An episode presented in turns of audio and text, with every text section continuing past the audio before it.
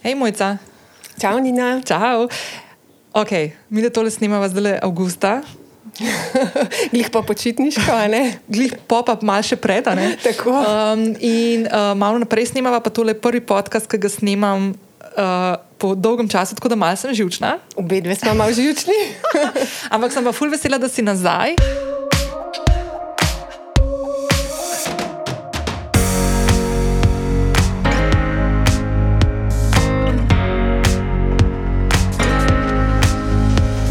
Dobrodošla na podkastu Lovim ravnotežje. S tabo sem Nina Gaspari, danes je petek in čas je za svežo 138. epizodo tega podcasta, ki bi lahko sodila v rubriko Želeli ste, da se vrne in tukaj je.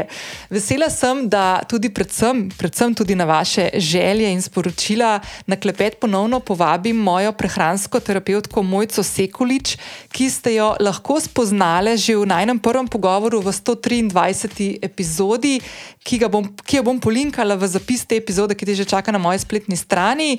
Uh, takrat smo z Mojco govorili o njeni poti do študija živilske tehnologije, pa kasneje prehranske terapije v Londonu, uh, pa o njeni življenjski strasti do raziskovanja funkcionalnih živil oziroma njihovega vpliva na naše zdravje. Danes se bova z mojco osredotočili še na eno temo, ki smo jo v najnem prvem pogovoru že omenili, in gre za temo, ki ima izredno pomemben um, vpliv na naše življenje, na delovanje našega telesa. Uh, Ne samo na fizičen del, ampak tudi na mentalen, oziroma na, diš, na duševno razpoloženje, in to je mikrobiom. Uh, Mikrobiom so, če poenostavim v nek tak jezik, uh, ki ga bomo poskušali razumeti, preden mojca prevzame besedo in ti pove več.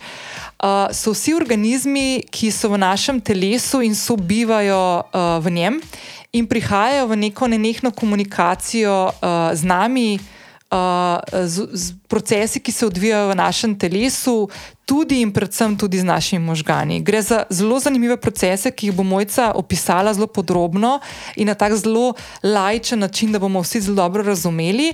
Gre pa za procese, ki pomembno vplivajo na naše zdravje in vse splošno počutje.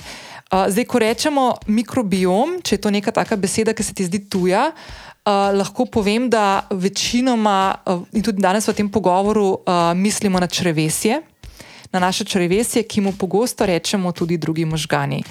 Mikrobiom je zelo pomemben za celoten organizem, ima zelo veliko in pomembno vlogo in vpliv tudi na naš imunski sistem. Uh, Uh, zakaj veliko imunskih celic namreč prebiva prav v našem črevesju in kot pravi mojca, so kot neka vojska, ki čuva naše telo pred napadi od zunaj in konec koncev tudi od znotraj. In pri samem razvoju imunskega sistema ima mikrobiom izredno velik vpliv.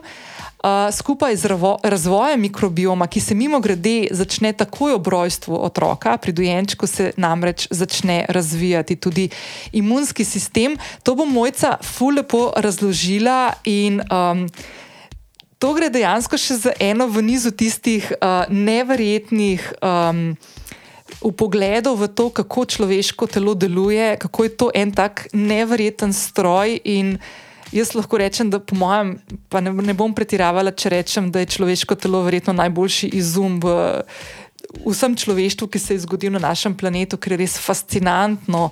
Uh, ko se malo začneš poglabljati, je fascinantno, vse, uh, kako, vse se, kako se prepleta naše funkcije, našega telesa, kako to vse deluje kot en tak uh, skupek stroj, do, kot en tak dobro namazan stroj, če stvari potekajo tako, kot je, uh, tako, kot je treba.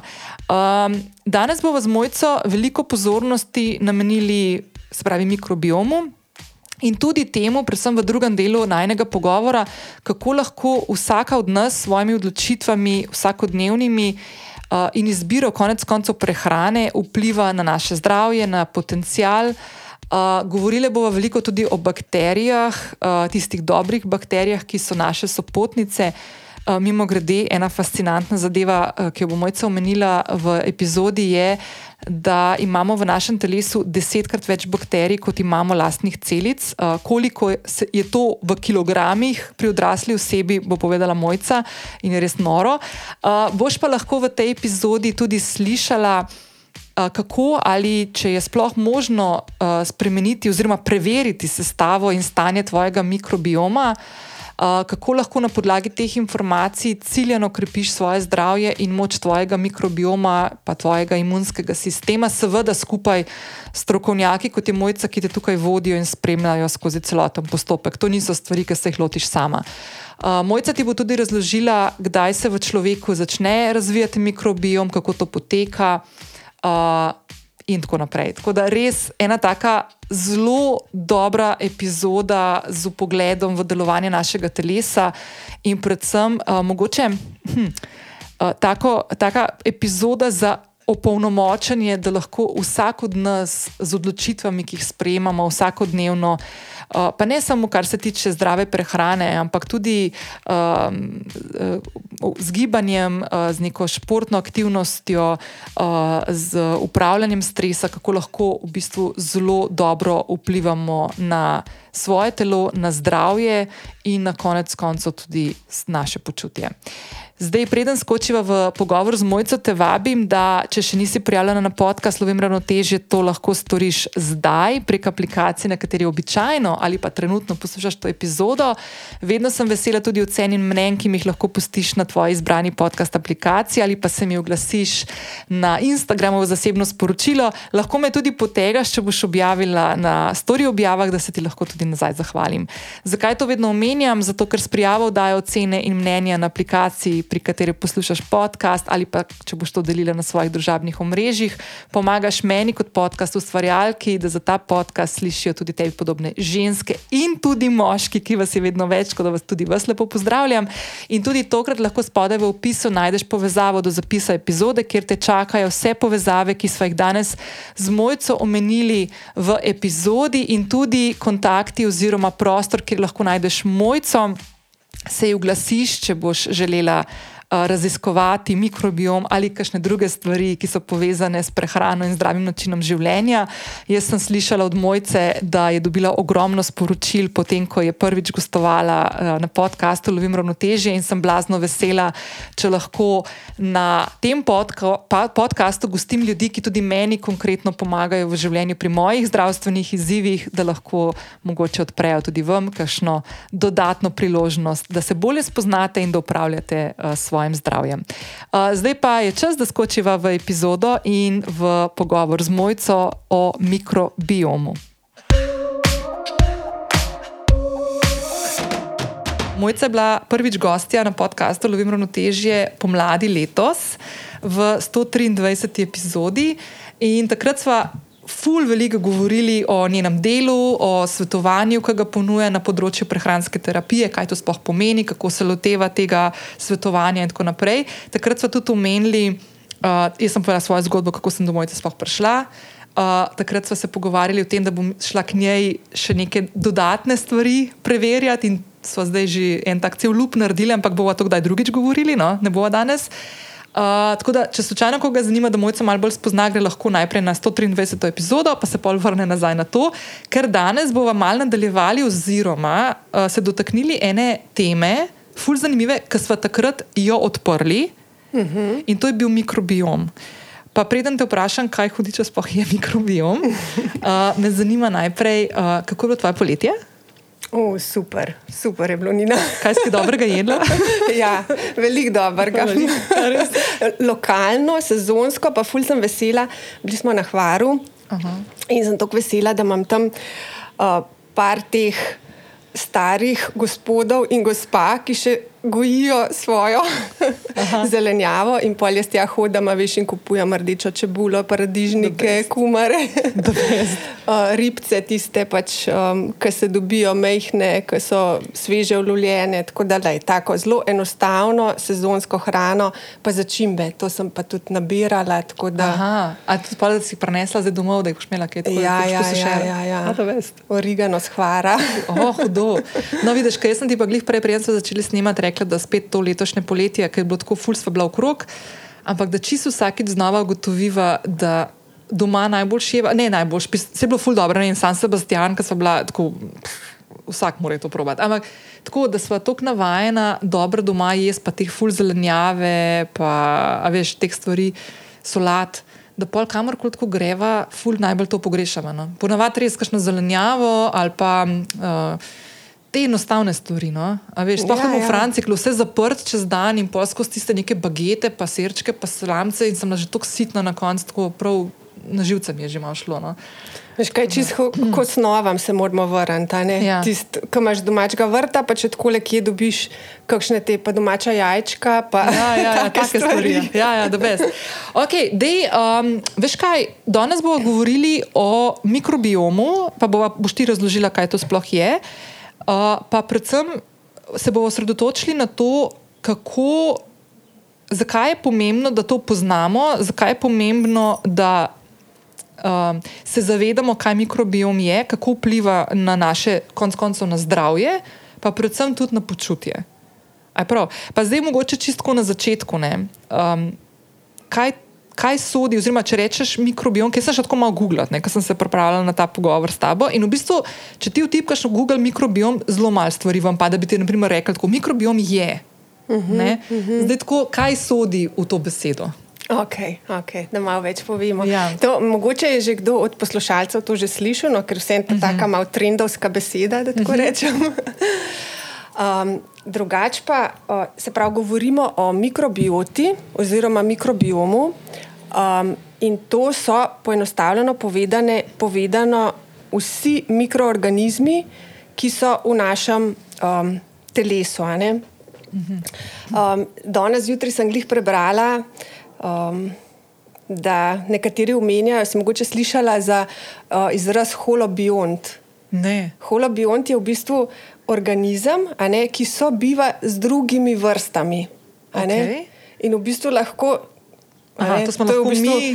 V bistvu je to za eno tako filozofsko vprašanje, malo, uh mhm. -huh. ko, ko se s tem soočamo, se pravi, da v nas prebiva toliko enih mikroorganizmov, da smo mi v bistvu holobionta. Aha, aha. Da mi gostitelji, ki živi v fulejnih organizmih. V bistvu je naše telo en ekosistem, uh mhm. -huh. v bistvu. Um, oziroma, v našem telesu, na, na različnih področjih našega telesa, so različni ekosistemi. Uh mhm. -huh.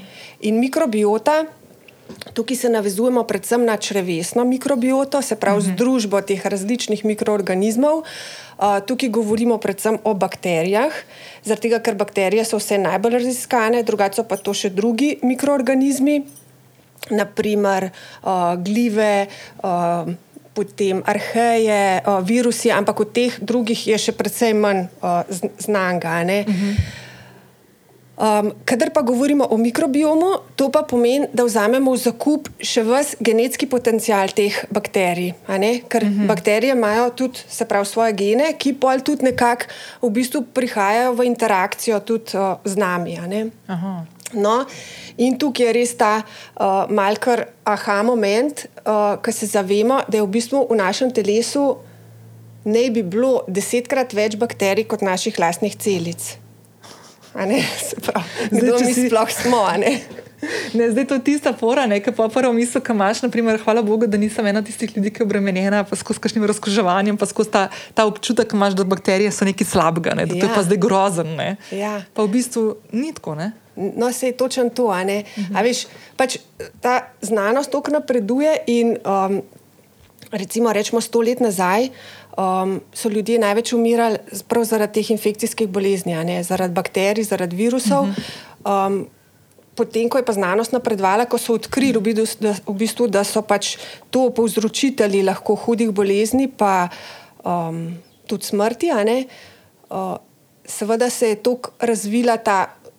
Germofobija, v bistvu, da se bojimo vseh teh mikroorganizmov, da je vse pač tako um, nevarno. Ampak po drugi strani, uh, uh, se pa šele zadnja leta, ne, tako recimo um, zadnjih 20-25 let, se pa ugotavlja, v bistvu, da v nas in na nas in okrog nas živi ogromno bakterij, ki pa v bistvu sobivajo z nami uh mhm. -huh. in nam prinašajo zelo veliko enih um, uh, dobrobiti. Tako da v bistvu brez bakterij ni življenja. Uh mhm. -huh. Tudi v naravi pač bakterije um, delajo zelo fermentacija, česar kola, ne, vina, mm recimo, ne, mm se dogaja s pomočjo tudi bakterij. Ne, kruh, vzhaja, kruh z družmi vzhaja, vzhaja s pomočjo bakterij. Mm um, v zemlji, ne vse čas. In pač človek se je razvijal. Um, a veš, uh, rečemo 300 tisoč let nazaj, ko so v bistvu bili um, Homo sapiens, ne, od, od takrat, ko je njegova prehrana um, in v bistvu izpostavljenost bakterijam iz zemlje, nekaj človek jedel veliki mm -hmm. zemlje. Veš, takrat se je v bistvu začelo, ali pa najbrž že prej, ne, od zametkov mm -hmm. človeštva se je v bistvu začelo, da so se pač te bakterije enostavno naselile v, v nas, v naše črevesje, večinoma. Ne. Mm -hmm. In um, nekako sobivamo, ne, v simbiozi sobivamo. Ne, in mm -hmm. vedno bolj se pač ugotavlja, da je pomembna. Um, Da, da, da, je, da je ta mikrobiom, mikrobiota, da je zelo pomembna za naše splošno počutje in za zdravje. Mm -hmm. Tako da, ja, tako kot sem rekla, ne, desetkrat več bakterij, kot naših lastnih celic. Koliko je to v kilah, ali imamo kaj še no, tako, tako da še malo bolj plastične, da svane. Predstavljaj ja. si, da imaš približno odrasel človek, ima tam približno dve kile teh bakterij v, v črevesju. Noro, ne? Noro, ne? Ja, ja. veš, in, um, ja, in večina teh bakterij je v debelem črevesju. Uh -huh. um, pol so pa še pač določene, um, recimo tudi koža gosti uh -huh. uh, bakterije, ampak tam so že spet druga sestava, druga, uh -huh. druge združbe. Um, Ampak verjetno te naprimer, bakterije, ki so na površini, naprimer kožni, ne? to niso te bakterije, ki naprimer, o katerih bomo mi danes se več pogovarjali, ki so naprimer, uh, v, na, v črvesju, ki vplivajo tudi na naše počutje, konc koncev. Verjetno tiste imajo ful neko drugačen vpliv. Ali... Kaj, bakterije so ful uh, veliko različnih, ne tako, da um, točno se, mislim, vejo se, ve se. Um, kakšno približno so te združbe in veste, da je na koži, da je drugačna ja. uh, uh, mikrobiota, kot kar v črvesju. Uh -huh. Ampak še vseeno pa vsak človek, veš, neko svojo posebno uh, sestavo. Uh -huh. uh -huh. Recimo, v, uh, ne bi bilo, ne vem, um, koliko že. Več tisoč različnih črvesnih bakterij, ampak vsak človek ima pa eno svojo sestavo. Uh mhm. -huh. Sam potem, ko so pa recimo ko, ko se raziskujejo, kakšni so mikrobiomi pri različnih ljudeh, je pač so značilne razlike med sestavo mikrobiomov zdravih ljudi in ljudi, ki, ki imajo pač neke zdravstvene težave. Aha, ne? aha. A je tako možno, okay, zdaj sem čist nekaj tako vprašala, kaj si to omenila. A je tako možno, naprimer, če bi se jaz naprimer, odločila, pa bi rekla, jaz bi pa rada razisk, raziskala, kakšno sestavo imam jaz mikrobioma. A je to sploh možno narediti, po mojem, najbrž? Ja, ja, ja, ja pač, delajo se pač raziskave uh, mikrobioma, se pravi, to je analiza iz blata. Aha, okay. um, in v bistvu gre za podobno metodologijo, kot pri COVID-testu, veš, ta PCR tehnologija. Aha. Se pravi, gleda se uh, genetski material bakterija ne, po Aha. PCR metodologiji in se v bistvu določi uh, sestavo bakterij, tako da v bistvu dobimo tudi neke anaerobne bakterije, se pravi tiste, ki drugače na zraku ne preživijo, ne, ampak so pa v bistvu. Aha, so pomembni in pa lahko jih prepoznaš. Tako, ja. Aha, ja. ok. Tako da to je zelo zanimivo videti. In, in na podlagi tega, tega jaz, se dela terapijo. Ne, na podlagi tega potem lahko uh, pač določimo seveda s prehrano, uh mhm. -huh. ker bakterije seveda jedo to, kar mi jemo, logično. Uh -huh. um, in lahko malo bolj ciljano določimo, uh, kaj je boljš. Kaj spodbuditi, kaj, spod, kaj, mogoče, tako, kaj spodbuditi? Kaj mogoče malo manj dati, zato da bojo ja, one malo bolj ja, utišale ja. se po domač. Aha, ok. Um, zdaj, kako. Okay, bom jaz povedal eno, eno zgodbo, en, en, en, čisto tako umesen del. To smo zadnjič se pogovarjali, ta prvič, ko smo govorili, smo govorili tudi o črvesju, mal, pa malo smo govorili o fermentirani hrani. Pa pa mislim, da sem takrat mogoče to že omenila, pa bom malo ponovila za, vsa, za, za vsak slučaj, ker se mi zdi tako full fine stvar. Jaz sem enkrat v življenju zelo plastično doživela, kako vpliva uh, črvesje na razpoloženje. Okay. In to je bilo, ker smo, ene, po mojem, štiri leta ali pa mogoče že pet let nazaj, uh, testirali večjo količino različnih kombuč pri moji bivši naročnici. In to je bilo tako, ene tri ure smo testirali, ene 40 različnih, tako veš, šote smo imeli, po vsak po požirk, pa smo delali blind teste, kje nam je bila všeč, kje ne. Zdaj, tako kombuča načeloma nima alkohola, lahko ima mogoče sem pa tja razvije kakšno mini stopenco, tako da mogoče je, smo se kaj napili. Ampak ne vem, jaz takrat sem imela občutek, da sem postala tako bila malo upita. Srečna, zadovoljna, krvnika. Mislim, tako res smo se ful režali, no? ampak smo spili tega, po mojem, tako vsak, sigurno, vsaj liter. Aha, veš, to je bilo veliko, ja, če je bilo 40, Ja, pa vsak ja. šot, ne, vsak požirek dva, ne, kar naenkrat se pol to pa malo še vodnega kefirja. In takrat smo tam gledali in sem se jaz prav rekel, rekel, a smo mi zdaj pijani? Ne? In pa smo se začeli pogovarjati, da verjetno da ne, da smo bili pijani, ne, ker to res ni bilo tega, zdaj, da bi se skupaj zbrali tok, ampak da verjetno to zdaj vpliva ta happy, ne, zdaj ta moment, da črvesje možganov sporoča, da je zadovoljno. Ne, A veš, zdaj ne vem, je, lahko, da je to zdaj kar neki, ampak res me zanima zdaj ta.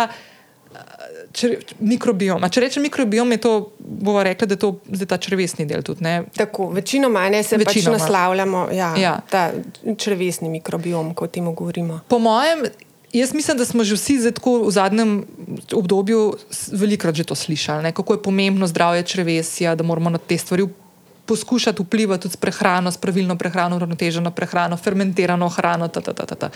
Ampak da mi tako mogoče povej, kakšna je ta povezava črvesja z ostalimi deli telesa, naprimer konkretno z možgani, ali pa potem kako to pol vpliva na naše funkcioniranje, tako lahko čisto na tej fizični ravni in na psihični, oziroma tej razpoloženski. Ja, ja. No, sej to je mogoče tudi marsikdo slišal, ker se govori o tej tako imenovani osi med možgani in črvesjem. In tukaj je zelo veliko različnih vplivov. Um, črvesje in možgani so povezani prek vagusnega živca. To je en živc, ki gre pač iz možganov ne, pa do trebušne votline. In potem te bakterije uh, iz črvesja na različne načine vplivajo na možgane. ne. Ugotavlja se, da tudi um, črvesne bakterije vplivajo um, na razvoj možganov. Celo, ne. to, to ne pomeni zdaj. Uh, da te bakterije prehajajo to, čreves, uh, mislim, to možgansko krvno bariero, a ne, ampak prek različnih uh, snovi, ki jih te bakterije izdelujejo, pa prek žilčnega, prek hormonskega sistema, prek imunskega sistema in preko tega vagusnega živca lahko vplivajo v bistvu na naše možgane. a ne. In vedno več se tudi govori o tem, da so določene bakterije tako imenovani psihobiotiki. No, zdaj, če najprej še pojasni- pojasnva um, koncept probiotika, ne, se pravi, to so te probiotične, dobrodejne uh, bakterije, ki jih tudi dobiš v prehranskih dopolnilih. a ne. Um, psihobiotiki so pa probiotiki, ki imajo še neko psihobiotično delovanje. ne. Um, to pa zato, ker določene bakterije proizvajajo um, tako imenovane žilčne prenašalce. Uh, to so Mhm. recimo serotonin, dopamin, Mhm. GABA. ne, In potem to vpliva um, na možgane. Ne? Mhm. ne da zdaj um, to direktno gre v možgane, ti mehanizmi še niso niti čist dobro poznani in raziskani, ampak vsekakor um, vplivajo lahko na možgane. a ne. Um, drugače pa ta cesta veš, med možgani in med črvesjem je dvosmerna, ne? to si najbrž tudi že opazila. ne. Ja. Tako da um, dejansko tudi, kadar smo mi recimo pod stresom, uh, ko se ne vem. uh, To zelo hitro lahko začutiš tudi v črvesju, pa te začne malo zvijati. Pa, um, tako da dejansko je ta povezava zelo močna. No? Tako da- Vse črvesi rečejo, da so drugi možgani v Tako, a telesu. ne? ne? Tako, tako, ja, ja, ja, ja. ja. Veš, kaj sem se, se spomnila? Se ne, da bi šla zdaj v to smer, ampak eh, ful mi je dober, ker um, vsake tok, ki kakšen podcast poslušam, pa mislim, da smo ga zadnjič tudi omenili, tega italijana, ki ta um, longevity raziskuje, Walter Longo, smo ga omenili, ne, ali smo se enkrat pogovarjali. Ful je bilo zanimivo, ker enkrat je govoril o tem, da uh, raziskuje te blue, uh, uh, uh, blue zone. A, Ja, veš, ja, ja, a veš, ja. zakaj so blue zone? A si slišala to foro? Ja, ja, ampak ne vem, zakaj se prav reče. Zakaj so blue, zakaj niso ja, green? Ja, Zato, zakaj? na Sardini, so, okay, da povem najprej, blue, blue zone so tisti deli, mislim, da jih je sedem ali osem na svetu, uh -huh. Mhm. kjer ugotavljajo, zakaj je odstotek ljudi, ki dosežejo sto let uh Mhm. -huh. in živijo zdravo, se pravi, ne jejo tablet, da dosežejo sto let, ampak imajo ta longevity, eh, zdrav način življenja, kaj delajo. Da se mi naučimo, pa da mogoče tudi ostali ljudje začnemo na tak način živeti. In ena od teh con je na japonskem, mislim, da je na Okinava, polje mislim, da v Kaliforniji Linda Loma. Uh -huh. um, pa Sardinija je tudi definitivno. Sardinija, ne? pa nek grški otok. Ja, tudi. tudi ja, ja. No, na Sardiniji so začeli s tem in ta Walter Longo je bil zraven. Uh -huh. In oni so tam pink, uh, odprli, so, mislim, na steno so dali zemljevid in so na zemljevidu označevali, kje živijo stoletniki in so imeli moder kemik, flomaster. in tako so, tako so ratale ta bluzons. No, ampak on je razlagal, da v bistvu zdaj, kar je ful fascinantno, no, to zdaj malo spremlja, tudi v luči tega, kar se zdaj raziskave, tudi zaradi tega COVID-a, ful pospešene, pa en kup enih stvari se zdaj odvija na tem področju. Uh mhm. -huh. Ampak ful mi je bilo zanimivo, ker je on, naprimer, omenil, da zdaj ugotavljajo že dolgo časa, da naprimer Alzheimer. Tukaj sem jaz uh -huh. malo pos, posebej pozorna, ker je moj dedek imel Alzheimer, pa demenca, imamo v družini, pa itak je to ful razširjen.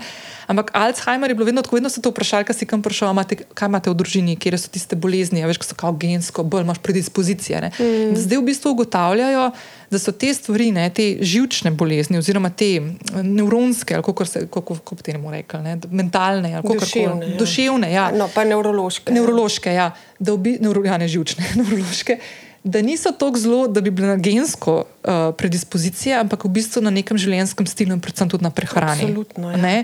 In tle se meni zdi tako ful fascinantno te stvari spremljati in točno to, kar si ti zdaj govorila, ne, to, mislim, to povezavo dvosmerno med črvesjem in možgani. Ne, Kako pomemben je to, da se tega v bistvu bi bilo fajn malo vsak od nas priuči, pa malo pozna. Če ne drugega, vsaj da ve, kaj je tisto, kaj, kaj lahko sam naredi, mm. da mogoče spodbuja neko boljšo uh, črevesno floro, ja, ja, ja. ravnovesje. Ne, mogoče ja, fulj zanimivo, ker si to omenila, ne, ampak dejansko, a veš, geni, a ne, naša genetska predispozicija, to je samo pač neka. Um, Knjiga receptov, evo, tako le mogoče. Ja. In uh, kaj bomo mi iz tega skuhali, je čisto odvisno od vsega. Viš, to ni zabetonirano. Ni zabetonirano. Ja. Mi lahko ful vplivamo na to. Pač prehrana, stres, šport, pač te dejavniki iz okolja so tisti, ki v bistvu pač vplivajo na izražanje naših genov. Ja, in na neko notranje dejavnike, pa, Tako, ki se sprožajo. Ja, ja. In vedno bolj se pač ugotavlja, da ima ta mikrobiom ima, uh mhm. -huh. um, res en tak. Um, Celosten zelo um, vpliva. Ne? Ampak se to, po mojem, tako, če, naprimer, če naprimer sam sebe spremljaš, naprimer, evo primer. Uh, jaz zdaj le zadnjih deset dni ne pijem alkohola. Še, zdaj vem, polet me je ful pa še pivo in sem kakšno eno pivo na dan sigurno spila. Ne? Mi je bilo tako, mi je sedel, po kosilu, zvečer, kakorkoli. Boljše počutje, drugač, drugačno hrano si pripravljam. Pa ne, da sem prej slabo jedla. Mm. Ampak, naprimer, primer včeraj, ko sem nekaj letela po mestu, pa sem si mislila, kaj pa če bi šla tam po burger. Ne, ne bom si doma solato naredila, ko pridem, pa sem dala malo fižola noter, pa malo lunga, pa malo mikrozelenja. Veš, ko um, ugotoviš hiter, da ko začneš eno stvar malo spremeniti, pa neko stvar vzameš ven ugotoviš, da se boš počutiš in hočeš ta občutek držati, in vidiš, da je to mm. povezano s stvarmi, ki si jih ali zločil, ali pa ki si jih vključil v prehrano. Ne? Super. A veš, ne? Mm. In meni se zdi to taka, taka stvar, da jaz, naprimer, ki padam v neko to rutino, ki spremljam te stvari in ki sem pozorna, to, kar smo se prej pogovarjali, koliko ljudi, prej smo začeli snemati, koliko ljudi v bistvu niti ne opas, kaj je, naprimer, ne? zato ker je na telefonu ali pa na računalniku ali pa ni z glavo pri stvari, mm. da enostavno niti nisi pozoren na, na to, kaj. Kaj sproši v tebi ena hrana? Ali je to nekaj dobrega, se slabo počutiš, ali si utrujen? Jaz se spomnim mojega detka, pokojnega Laurota. On je vsakič, ki je pojedel kosilo, je, je bilo klasično. Kosilo je bilo dobro, če je on pol malo zaspal. Ne? Jaz, ki to gledam, jaz, ki pojem kosilo sred dneva, če sem jaz zaspana, vem, da sem nekaj ni bilo ok, ni bilo tako prav uravnoteženo. Te mora dati energijo, ne, mm, ne da te uspava. Mm. Naprimer, ne? Ja, ja, ne, pa tudi to, viš, ne, dejansko, kako, če smo bolj senzibilni do sebe, ne, vidimo, kako nam ena hrana, kako se po njej počutimo. Ja. Um, Lahko delamo malo teste, kaj tako, je tisto, kar nam ja, sedi, ja, kaj nam ja, ne sedi. Ja. Sam se je treba res poslušati. Ja. ja. e, ampak po najni zadnji debati se ne vem, če smo to v eter ujeli. No? Um, Ker si razlagala, če se spomniš, bo šle nazaj na mikrobiom, brez skrbi. Ampak tako, um, če se spomniš, ko si mi rekla, kako ima uh, pašta, ki jo skuhaš, testenine ali pa krompir, ki je topol, pa ki je hladen, ne? ki je čist drugače. Jaz sem začela zdaj ful hladno pašto Aha, delati. aha, In mi je super. ful dober. Ful mi je dober. Pa Te solatke v bistvu iz pašte narejene. Pa sploh zdaj le čez poletje. Ful je dober. Ja. Res. Pozabila sem, da lahko tudi tako to narediš in je ful, ful, ful, fajn. No. Tako da se včasih kar tako, ali na plažo sem si naredila, vzela, ali pa na kaj tako na potovanje, pa sem imela sabo. Tako, tako, the no. best. In s tem si dobila ful več vlaknin. Ja. In s tem si dobila boljši, boljši izkoristek za svoj mikrobiom. No, evo, a vidiš. Pa si vas spet Pa sva nazaj. Spet nazaj. Okay, ampak dej, um, dej mogoče um, mikrobiom imamo itak, že se začne, se razvije v bistvu že v maternici se začne razvijati, ali kako, ali z rojstvom otroka. Um, načeloma um, nekaj bakterij. A ne, ne bi bilo že tudi, da bi jih otrok že dobival med, samim, uh, med samo nosečnostjo, ampak več ali manj je to najbrž bolj sterilno. Ampak glavna ta prav transformacija, ne, kolonizacija teh bakterij se pa zgodi med samim porodom. In to je fulj zanimivo. Um, zaradi tega, ker se pravi, ko otrok preh, prehaja skozi um, porodni kanal. pri naravnem porodu. Pri naravnem vaginalnem. porodu, mm -hmm. ja, se pravi, um, bom tudi pol povedala, kako se to razlikuje od carskega reza. Um, ampak ob uh, vaginalnem porodu, se pravi, že nekaj časa, ne vem, dni, tednov pred samim porodom, se materina uh, vaginalna uh, uh, mikrobiota se spremeni. Mm -hmm. V korist tega, kar se v bistvu ne bi naseljevali uh, na otroka. ne. Um, in potem se, se pravi, se te bakterije preko kože, preko ust um, se začnejo naseljevati v črvesje, in takrat je res prava transformacija, tako da se v tako kratkem času v bistvu nasel, da kar naenkrat število bakterij v bistvu presega število otrokovih Celic. celic.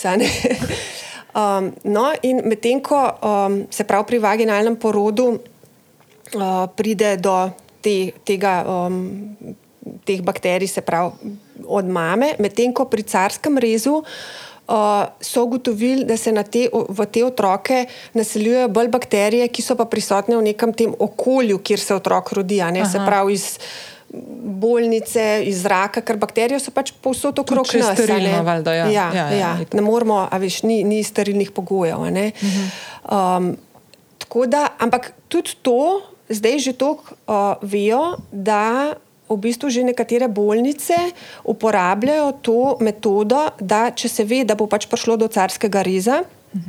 Um, da v bistvu vzamejo vaginalni bris mami in pol s tem premažajo uh, otroka. ne. In to Aha. zelo dobro v bistvu uh, lahko pol posnema. Aha, v bil ta rojen v vagi- bistvu. Tako, vaginalni porod. Wow. Um, ampak tudi, tudi, če se to ne zgodi, še ni vse izgubljeno, ker pač uh -huh. mikrobiom je lahko po eni strani zelo plastičen, ne, lahko zelo vplivamo na njega, se lahko spremenja. Čeprav so tudi tukaj neke omejitve. Um, ampak uh, se pravi, potem uh, najbolj, uh, dejavnik, ki najbolj vpliva uh, na sestavo mikrobioma, je dojenje. a ne. Zato je dojenje tako pomembno. Um, tako da dojeni otroci imajo čist drugačno mikrobioto, kot kar nedojeni otroci, zato se tudi zdaj v um, te uh, formule dodajajo določeni um, v bistvu sladkorji, pa uh, probiotične bakterije in te sladkorji, ki hranijo um, te. Uh, Bakterije v- dobrodejne bifidobakterije, ne, ki so značilne za dojene otroke. a ne. Tako da drugače pa pač tudi ta stik s kožo je ful pomemben a ne, med uh, mamico in med dojenčkom, ker tudi s kože se naseljujejo, um, predvsem pa z uh, materinim mlekom.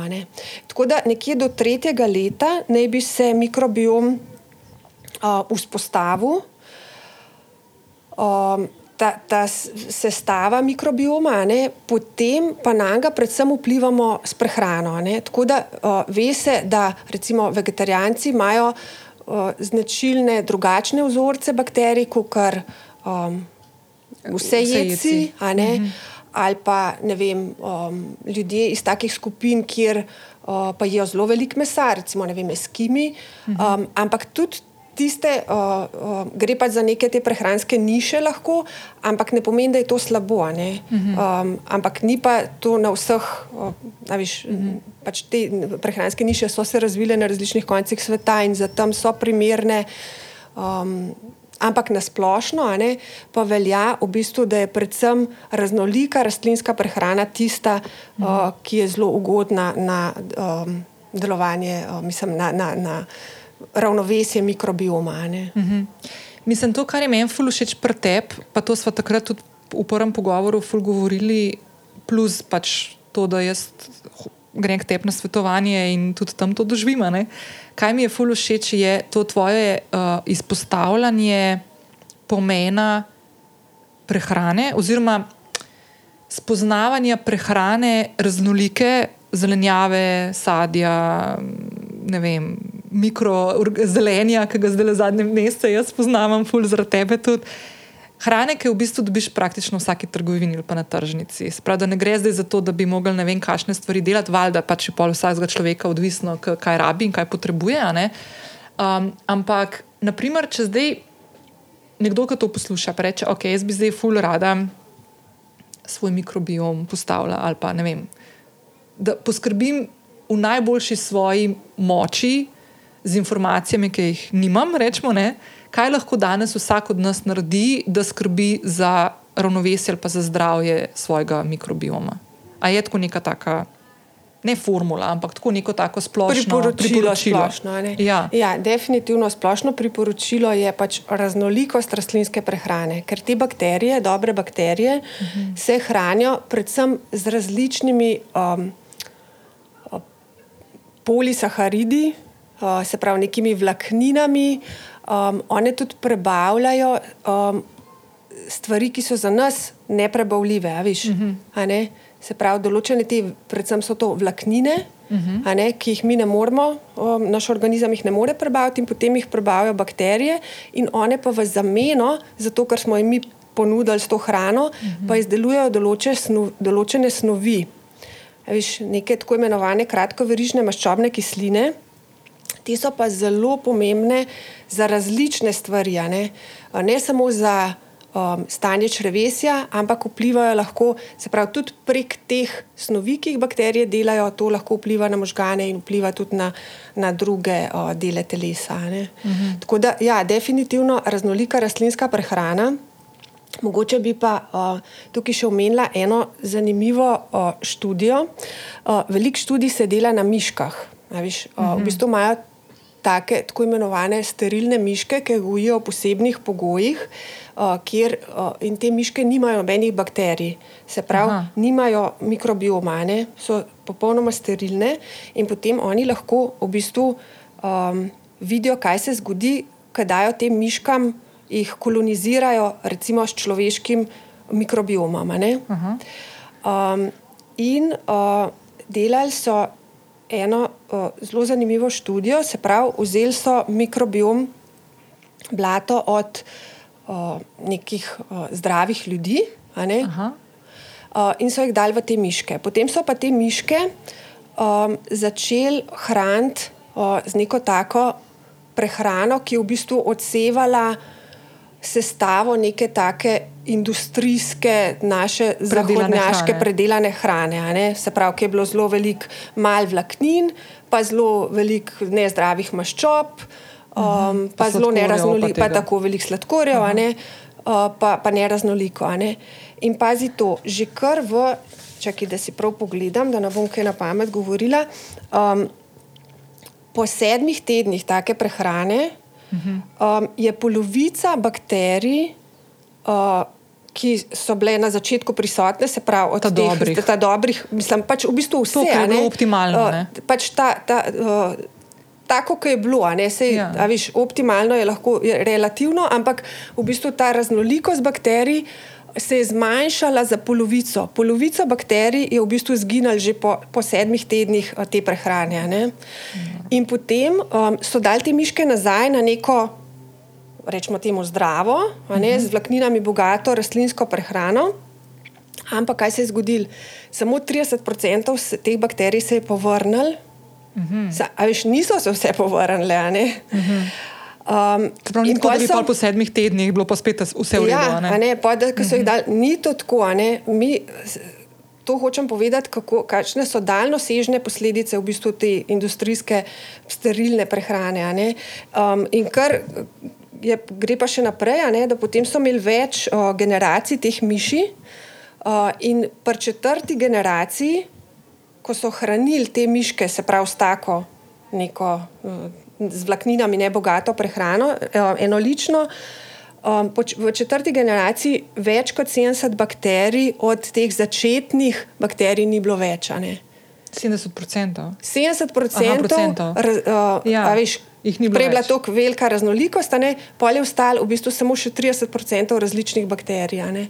In če to apliciramo uh -huh. na nas, ne, Ja. a veš, ko jemo v bistvu pač tako hrano, vem, um, bogato z raznimi aditivi, um, uh -huh. Ne živo hrano. Ne. Uh, kaj to pomeni za, za naš mikrobiom? Zato, tako kot smo na začetku rekli, treba se je vrniti v bistvu čisto osnovam. ne.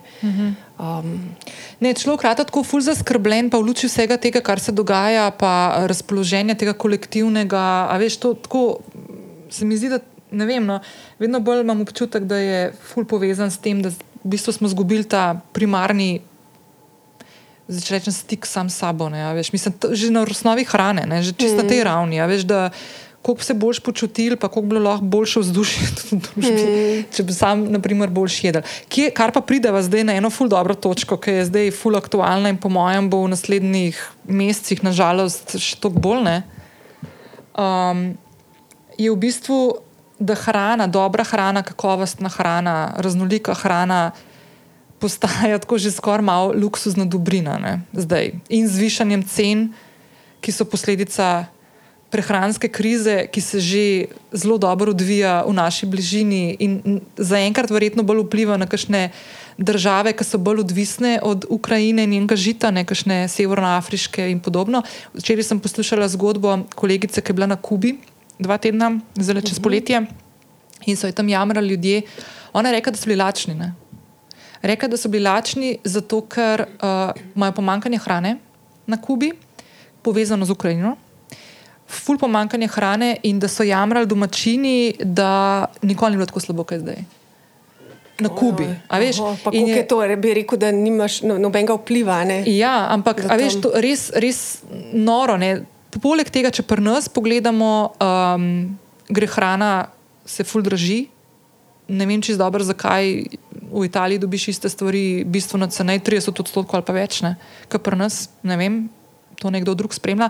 Ampak v luči vsega tega, ne, kar se zdaj dogaja, uh, posegamo dejansko prvič zato, ker zaradi cen po nekih stvarih, ki so cenejše in temu primerno uh, uh, ne, uh, osiromašene uh, uh, tistih makro in mikrohranil, ki jih naše telo potrebuje. ne.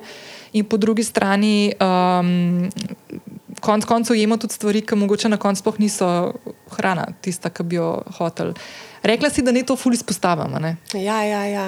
Ne, to, to je zdaj sigurno aktualna tema. tako Da, um, ampak, lej, Nina, ne, tako, okay, jaz sem tukaj, mogoče definitivno sem pristranska, ker meni hrana zelo veliko pomeni, ampak vsem se mi pa zdi, da je prav, da v tem usveščamo ljudi, Ja. ne, da se pač ljudi senzibilizirajo s tem znanjem in da razumejo, ker pol, kar razumeš, pol tudi lažje ak se aktiviraš ne, in pač pomemben je to. ne, In, um, Jaz bi tako rekla, ne, nismo dovolj bogati, da bi lahko slabo jedli. No. Ja, ja, ja. A veš, tako da na, na hrano um, pač ne šparati na hrani. No. Hrana bo definitivno dražja, mm -hmm. ne šparati na hrani, ker s tem boste naredili ful. Mm. -hmm. Veliko slabega zase, ampak po drugi strani smo pa še vsem lahko o, racionalni, le fulje ene o, res koristnih stvari za nas, če bi ljudje pač pet ven. Uh, ne vem, ko greš na morje, nabereš si rožmarin, Ja. um, a veš, spomladi nabereš si regrat, če imaš, a veš, uh -huh. take stvari, to je za ston. Mhm. Ja, ja, ja. Ja. Gobe jeseni, Gobe, sicer imaš recimo, ne? omejitev, ampak Ja, ja, ne. a veš, pet si zdaj le tam le um, nabrati rubide, naprimer. Ja, ja, ja, ja, Glej. ja.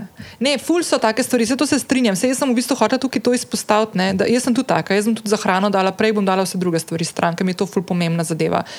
Um, hočem pa eno stvar, no, se mi zdi tako, da um, eno je to, no, da, da, da gremo v to smer, da iščemo neke cenejše stvari, mm. drugo je pa to, da mogoče niti ne znamo si pripravljati, a veš, obrokov, ki bi. Ki ni nujno, da bi nas v trgovini, ki bi izbrali sestavine, stali ful več, kot mm, naprimer neka mm. že pripravljena hrana.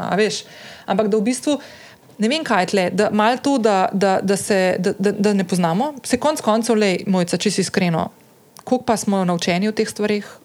Nismo. Doma, če se naučiš, a veš, to je to. V, v izobraževalnem sistemu nimaš, naprimer, da bi te kdo učil, kaj je uravnotežen obrok. A veš, ni tega, še že kar zdravnikov ti ne zna povedati.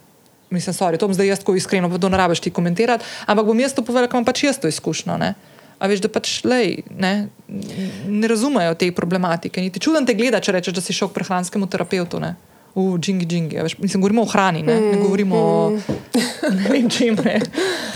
ne, dejansko, veš, in to bo problem. In sploh ljudje vedno manj žal, ne, zaradi vsega tega, kar se dogaja in digitalizacije, kar je pač nek normalen proces, ki prihaja, ampak s tem smo vedno manj v stiku s sabo in tudi ljudje manj okušajo ali karkoli. Da ti povem eno zanimivo zgodbo no, uh mhm. -huh. v luči tega, pač, kar prihaja. Ne. Jaz sem slučajno um, se znašla v neki kitajski restauraciji. Ker ni bil moj namen, da pridem tja, ampak se je pokvaril kolo. in ste bila pač, lačna. ja, in pač smo rekli, ok, grem probat. Ampak sem imela že tako slab občutek na, na, na vzven. No. In pač mi dva z možem naročiva, um, on je naročil nekega pišanca, jaz pa sem naročila neko govedino, mongolsko ali neki.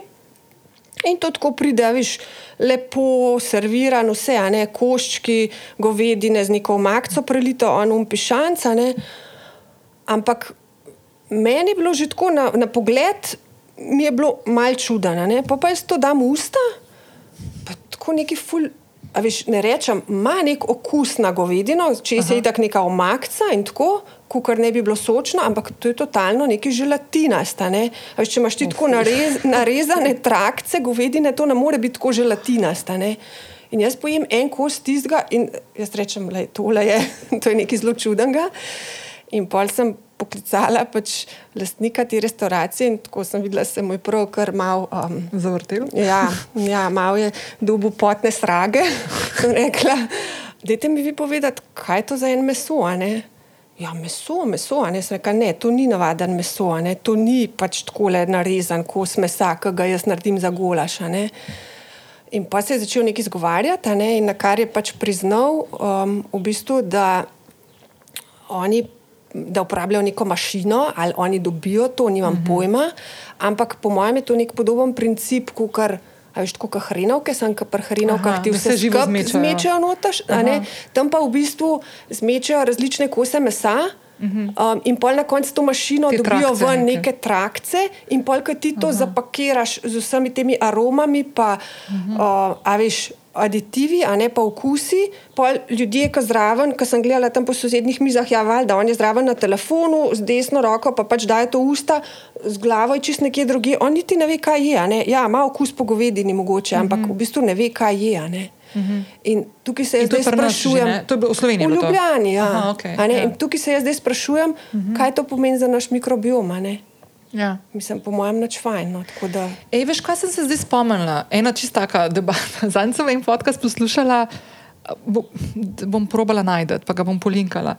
Um, ena ženska, ki je Ameri američanka, ki dela te, veš, te um, laboratorijsko meso, ki ga zdaj razvijajo. Ah, in vitro meso, ja. ja, ja, ja. No, in je bila deba, ful zanimiva debata. V bistvu je bilo tako, uh, kako zdaj v bistvu delajo to meso, ki ni od živali, ampak da je dejansko na domestek z vsemi hranili, z vsemi aromami in tako naprej.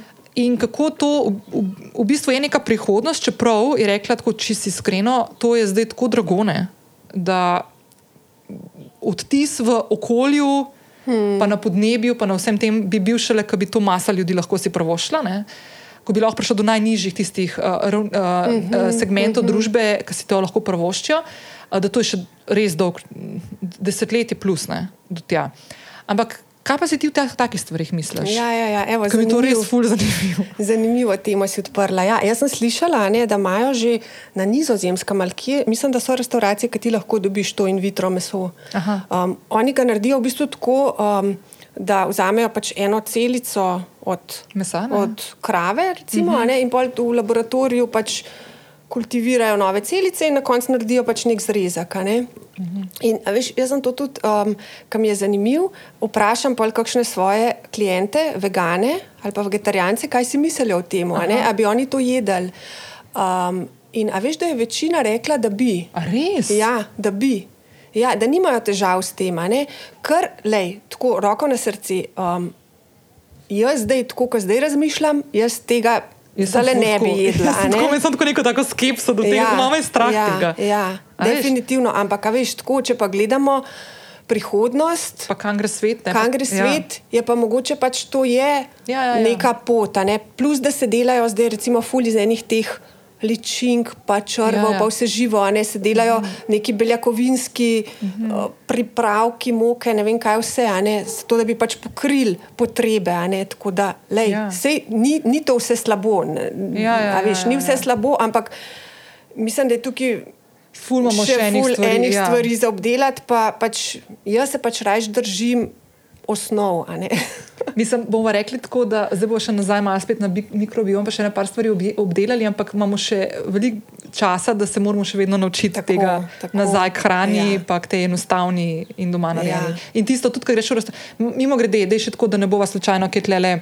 Uh, spodbujale kakšnih takih debat, ampak tako, uh, to, kar se tebi zgodilo v uh, kitajski restavraciji, se dejansko lahko zgodi tudi kjerkoli drugje, ki greš v njez, ki ne poznaš, ali pa greš nekam, pa dobiš noter, če ne drugega, že v umaki, kakšne stvari. a Veš, Ja, da ja. vedno je fajn, tudi če greš ven jesti, da greš tja, kjer naprimer, ne vem.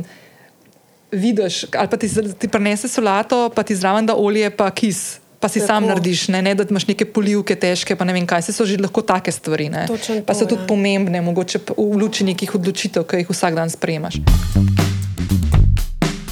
Danes smo z Mojco že veliko govorili o tem, kako lahko s svojimi odločitvami pomembno vplivamo na svoje počutje in konec koncev tudi zdravje našega mikrobioma. In o tem bomo govorili tudi v nadaljevanju pogovora.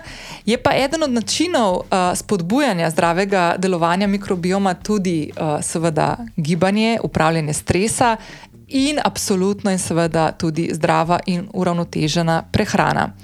Eden od krasnih načinov spodbujanja delovanja našega črevesja je tudi nam zelo, zelo znana fermentirana hrana, ki je v našem prostoru zelo priljubljena in predstavlja odličen naraven vir probiotikov. Zdaj, kmalo bomo spet v pravi sezoni fermentirane hrane, če pomislimo na kislo repo, kislo zelje in tako naprej. Imamo pa na voljo tudi nekaj fermentiranih izdelkov, ki jih lahko uživamo skozi celotno leto. In jaz sem blazno vesela, da se tudi pri nas v Sloveniji ta trg zelo, zelo razvija in imamo na voljo vedno več takih izdelkov. Eden od takšnih je naprimer kombuča. Kombuča je fermentiran napitek na osnovi čaja, ki mu dodajo sladkor in gobo skobi, ki sladkani čaj spremeni v odličen in zdrav napitek, poln dobrih bakterij, ki dobro, dobrodejno in blagodejno vplivajo tudi na naše črevesje. In tudi v Malinci so razvili svojo kombučo, seveda z okusom maline, ki je stotstotno naravna, iz ekološke pridelave, z, z nizko vsebnostjo sladkorjev in brez konzervansov. Izdelana je v Sloveniji in je primerna tudi za vse tiste, ki se prehranjujete rastlinsko oziroma vegansko. Malincina kombuča je bila med drugim izbrana tudi za najbolj inovativno živilo v letu 2021 v kategoriji brezalkoholnih pijač. Pri podjetju Malinca, ki je podpornik podcasta Lovim ravnoteže, lahko kombučo in seveda tudi druge njihove izdelke na spletni strani nabereš v svojo spletno košarico in ob zaključku nakupa uporabiš kodo ravnotežje za dodaten 10-odstotni popust na svoj nakup. Povezavo do Malincine kombuče in paketov kombuč, ki so ti na voljo, najdeš v zapisu epizode. Mi pa se vrnimo k pogovoru z Mojco, ki ti bo v nadaljevanju zaupala, kako se lahko tudi ti začneš aktivneje spoznavati s svojim mikrobiomom. Okay, da se tako mogoče greva malo nazaj na ta mikrobiom. Prej, prej smo se, uh, sva se dotaknili tistih modrih con, ne? pa teh starostnikov, ki živijo srečno in zdrav, predvsem zdravo življenje, brez tega, da se jih v navednicah, bom rekel zelo v navednicah, umetno podaljšuje z raznimi tabletami. Mm. Tle se jaz vedno spomnim moje babice, ki sem odraščala, ki je imela več tiste. Uh, ška, po mojem, smo to že vsi imeli, šk, uh, pa videli.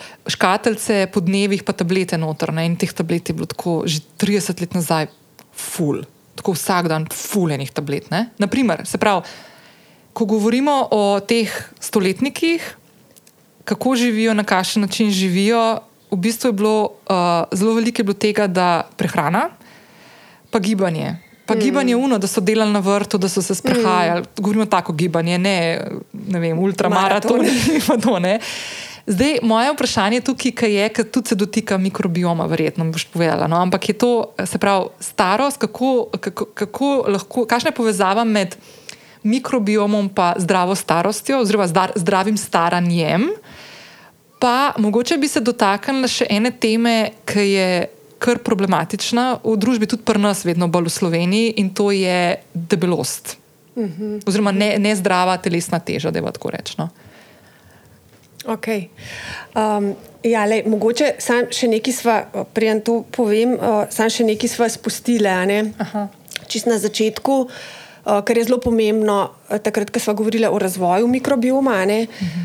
Mikrobiom je zelo pomemben pravi, za celoten organizem, predvsem se pa ugotavlja, da je zelo pomemben za imunski sistem. Okay, ker točno, ja. vemo, ja. ne, da je mhm. pač veliko imunskih celic v bistvu v črvesju, ker imunske celice v črvesju so pač kot nek stražar, kot neka vojska, a veš, kot tam čuva, pač kaj bo dejansko prišlo v naše telo, v kri in kaj ne bo. Ne? Mm -hmm. In um, pri samem razvoju uh, imunskega sistema naj bi imel mikrobiom zelo velik uh, vpliv. Mm -hmm. In zato v bistvu to se dogaja, se pravi, takoj od začetkov o, našega življenja, ne, pri novorojenčku, se pravi, skupaj z razvojem mikrobioma se razvija tudi imunski sistem. Uh mhm. -huh. In ta komunikacija med temi bakterijami, med mikrobiomom in imunskim sistemom se dogaja vse čas. Uh mhm. -huh. Se pravi, tudi kasneje v um, življenju, zato ker dejansko te bakterije, naše dobrodejne bakterije, s katerimi živimo v simbiozi. Um, nekako sporočajo našim imunskim celicam prek različnih mehanizmov, da pa ste, prihaja neka nevarnost, neka škodljiva uh mhm. -huh. bakterija ali pa nekaj. Ne? Uh mhm. -huh. In potem se imunski sistem lahko odzove. odzove uh mhm. -huh. no, in zdaj lahko si predstavljamo, da kar, kadar pride do tega neravnovesja mikrobioma, se lahko pač zgodijo tudi neki nepravilni imunski odzivi. Ne? Uh -huh. In od tukaj naprej je pa pol um, že spet lahko to velika povezava z različnimi um, kroničnimi boleznimi današnjega časa. Uh -huh.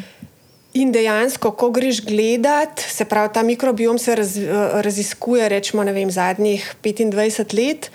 In ko greš gledat raziskave, skoraj z vsako kronično, um, sodobno boleznijo obstaja povezava med neravnovesjem mikrobioma in med to um, boleznijo.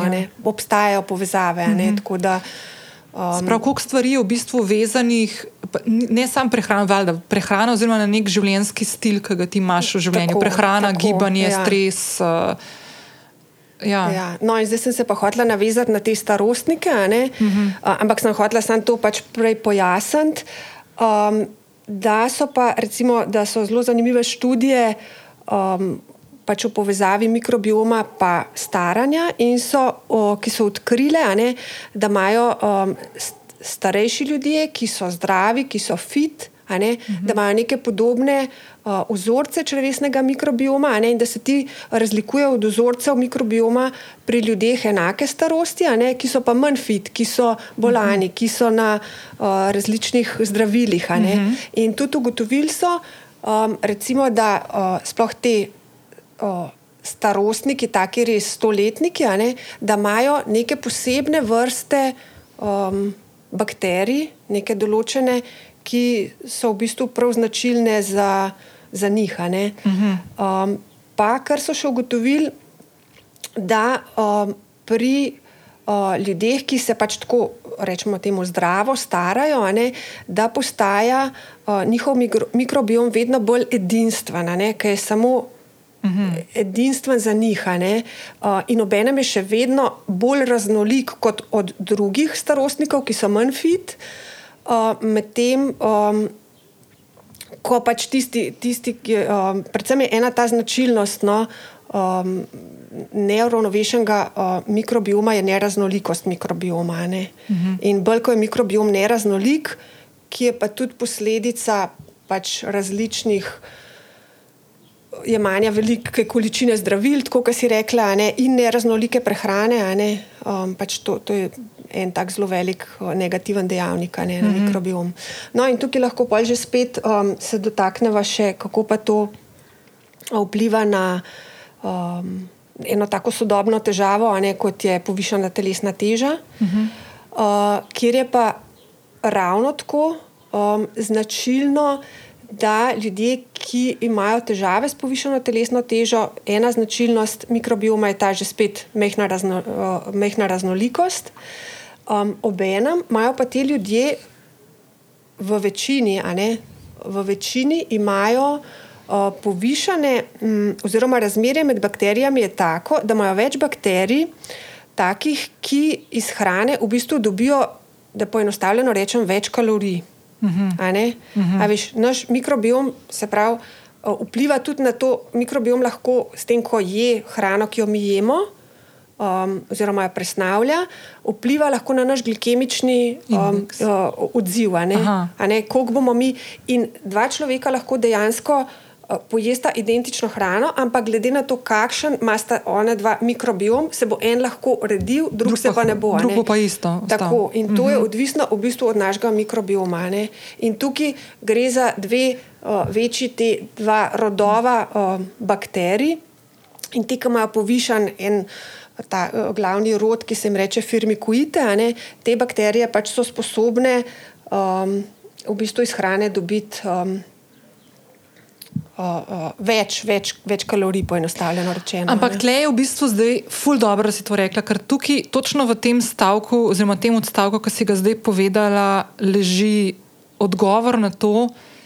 Zakaj ista prehranska terapija ali pa meni, vse en, ali pa izbor, ki ga ti zaužiješ skozi teden ali pa skozi dan, ali pa vadba ali pa karkoli, ki ti vidiš kjerkoli. Naprimer, nov trend to, zdaj boš to naredil in boš shujšal. Ni nujno, zato ker človek mora najprej pri sebi ugotoviti, kakšno je trenutno stanje, kje so tiste stvari, ki ga štopajo. Ne? Ker tukaj pa padeš v ta cikl lahko. A veš, da narediš vse prav, pa delaš vse, kar bi mogel. Pa se stvari ne spremenijo, oziroma grejo še, naprimer, konkretno na teže, še vedno pridobivaš. Če, če greš na neko to zniževanje telesne teže in tako naprej. Ne? Se pravi, da moraš najprej ugotoviti in verjetno to kaj, kaj ti svetuješ, naprimer, človeku, ki pride k tebi? Naprimer, da ima težave s težo, a naprimer, bi ga poslala na to analizo blata, da preverijo, kakšen mikrobiom, pa da iz tam izhajaš, kako te stvari začneš. Veš, to je čisto odvisno, odvisno od posameznika, kakšne ima druge težave. Ti moraš človeka vedno gledati celostno, kot, celoto, ne? kot mm -hmm. celoto in kaj pač on dela. Ne? Nekdo lahko športa, nekdo ima prebavne težave, a veš, odvisno mm -hmm. pač več dejavnikov, valjda, ki vpliva ne, uh mhm. -huh. na, na povišeno telesno težo. Ampak eh, mikrobiom je pač samo eden, ampak vse pa je povezan kompleksno povezano. Uh -huh. um, ampak ni quick fixov. Ja, to pa ja. ni zato, ker mikrobiom. Če se spomniš, prej smo rekli, tam nekje do tretjega leta se je vzpostavil, uh -huh. bolje pa dosti stabilen. Uh -huh. Vplivamo pač lahko s prehrano, ampak um, po eni strani zelo rezistenten. To pomeni, da se ne more tako hitro spremeniti in mi šele s konsistentno spremenjeno hrano skozi leta. Uh mhm. -huh. In to sem jaz, recimo, pri svojih klientih videla, uh, pa tudi študije nekako tako kažejo, um, da šele po nekje dveh, treh letih, da lahko te nova sestava mikrobioma, da postane um, bolj stabilna in bolj vzdržna na neke zunanje stresorje. Aha, ja, in se ja, pravi, ja. potem ne, ko pa ti dejansko spremeniš svoj o, sestavo mikrobioma, potem pa tudi ti ne bo škodal, um, mogoče najbrž, ne, da poješ vsake tok. Nekaj, kar v bistvu bi ti prej ful bolj škodalo. Aha, štekam. Ja. Razumeš, te ja, pač ja, ja. spremembe so počasne. Uh -huh. Ne, to mi je ful dobro, to se izpostavlja, ker smo res tako navajeni v tem instantni. Veš, da vidiš neko stvar, neko, ne vem, bom zdaj zelo zbanalizirala. Vidiš na Instagramu nekoga, ki je nekaj, nekaj objavil in oh, zdaj pa jaz tudi. Eno stvar, ki bom tukaj zelo izpostavila, no, kar sem prej tudi te rekla. Da meni se sem pa tja zgodi, da dobim kakšno vprašanje, kakšna prehranska dopolnila jemljem. Um, in jaz ne želim na to odgovarjati. Ravno zaradi tega, ker v tem trenutku jaz jem in, in jemljem stvari, ki smo jih mi dve določili za konkretno mojo trenutno stvar, ki jo hočem rešiti. In stvari, ki jih jaz jemljem zdaj, so tudi skupaj danes, zaradi tega, da bodo skupaj pomagali. Če rečem zdaj eno stvar, je kar nekaj, je brez veze. Treba je pogledati, kje se nahajaš. Jaz sem še tudi delal preiskave. So iz tistega ven pogledali, kaj točno je srabim, zato da bomo targetirali tisto zadevo, ki se jo jaz hočem zdaj trenutno z njo poukvarjati. Celo lahko je na to HPV, no? pa bomo pa enkrat drugič o tem govorili, ker bomo videli, kakšno bo rezultat, konc koncev. Ampak ja. Tako da nočem o teh stvarih govoriti, ker se mi zdi ful neodgovorno dajati od sebe stvari, zato ker ne bodo narejene za drugega človeka. Ne, v bistvu bi lahko človek k tebi prideti ali pa k nekomu in se posvetovati, videti, kje se nahaja, kakšne ima tiste izzive in potem sestaviti mm. neke stvari. Ne. Se to smo že malo zadnjič govorili. Ja, ja. Kako ne greš kar v trgovino, pa kupaš tam stvari. Pa, tako, ja. um, dej, zdaj nekdo, a veš, tako zdaj spet ne. To je pa ta, ko poslušaš en ta podcast, jaz vedno, ko poslušam kakšne stvari, si pa mislim, kaj zdaj jaz lahko naredim. Veš, kaj bi bilo zdaj dobro, kaj je naslednji korak. Naprimer, se odločam. Jaz bi pa zdaj raziskala, kakšno je moje trenutno stanje, rada bi ugotovila, kje sem, um, mogoče imam kakšne težave s stresom, mogoče imam kakšne težave z vem, pridobivanjem telesne teže, karkoli. Kaj bi bilo dobro, če nekdo zdaj posluša in reče, ok, to me zdaj zanima, jaz bi se rada začela s tem ukvarjati. Kaj bi bilo fino, da se zgodi, da naredi, kakšen je naslednji korak. Um, Da se posvetuje s kakšnim svetovalcem, da tebe kontaktira. Kaj, kaj je tista stvar, ki naprimer... Mislim, lej, ljudje, ki se dobro počutijo, pa so ok, um, načeloma pa tudi, a veš, ko gledam, da pač pridejo ljudje k meni tudi čist preventivno. Uh mhm. -huh. In če kdo želi, pač pogledamo tudi mikrobioma. Uh mhm. -huh. In prav vidim, a veš, pri teh ljudeh je mikrobiom ok. okay.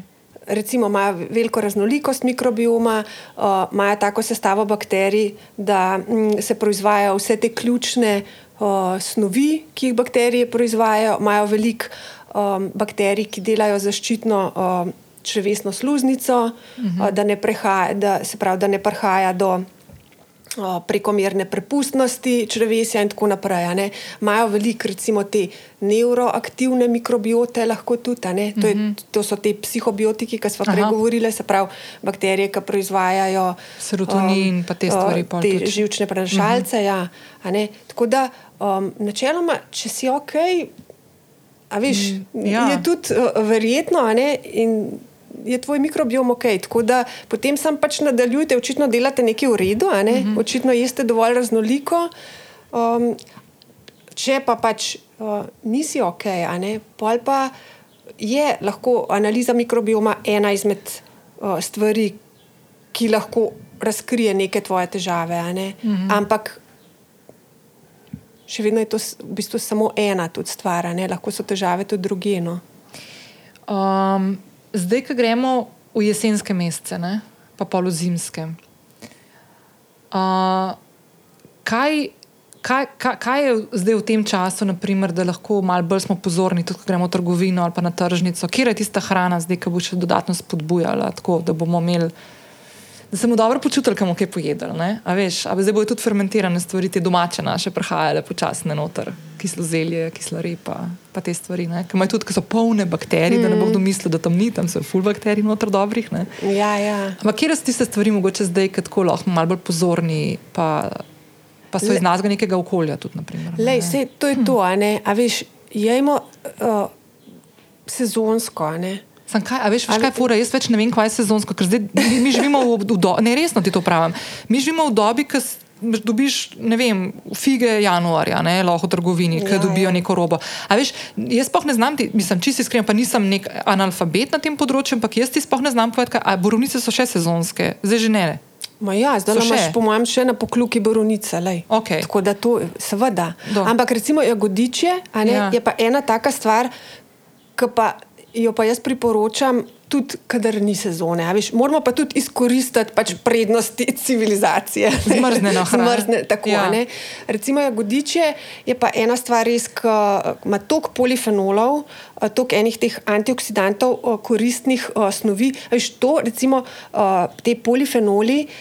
So tudi zelo pomembni za mikrobiom. Sploh so pomembni, recimo, ena bakterija, ki se ji reče Akermansija, um, ki zelo ugodno vpliva na to um, zaščitno črevesno sluznico. Jo, um, v bistvu gradi to črevesno mm -hmm. sluznico a ne, in ima zelo take protivnetne učinke, ta mm -hmm. bakterija, ne, s tem preko teh svojih. Um, je pa anaerobna bakterija, to pomeni, da mi jo ne moremo dodajati kot. Uh, Prehransko probiotično Aha. dopolnilo, ampak jo lahko samo hranimo. In uh, ona se hrani predvsem z nekimi določenimi temi antioksidanti, polifenoli. ne. Mhm. Tako da um, jagodiče je res ena taka stvar, ki mislim, da bi jo lahko imel vsak uh, skozi v zmrzovalniku, ne, ne kupovati. Po zim pa jesen nekega jagodiča svežga, kao. ker veš, da mora biti to Ja. ja. polno, ne, verjetno neke kemije mm -hmm. gor. Um, ampak, če smo pa zdaj uspeli z domačih vrtov pobrati kakšne maline, rubide, uh, kakšne borovnice, a veš, pa, pa da super, da sezoni smo jih zamrz- kupaš, pa jih tako, zmrzneš, ne? Tako, pa da jih zmrzneš. Ja, a ne. ja. Tako da, recimo to, ne. Um, Drugače pa, sezo, kaj pomeni sezonsko? Zdaj, ko bodo, vem, če, če rečemo sadje, a ne drugo, pol bodo kmalu granatna jabolka, pa kaki, mm -hmm. a veš. Pa buče. Ja, a ne, pa Mhm. zelenjava, pač zdaj bo jesenska zelenjava, pač naredimo si tudi kakšne um, prihranke za zimo. ne. Mhm. Ta fermentirana hrana je tudi ena dobra, dobra oblika v bistvu shranjevanja hrane. a ne. Se je zato bila narejena, ne Tako, ustvarjena v bistvu. ne, v osnovi Ja. je bila v bistvu za to narejena, uh -huh. uh, pa ljudje niso vedeli, kako si pač bogatijo svoj mikrobiom uh -huh. s tem, a ne, ker v bistvu skozi vnašajo cel ta širok spektr veš, teh probiotičnih bakterij, ki je v fermentirani hrani.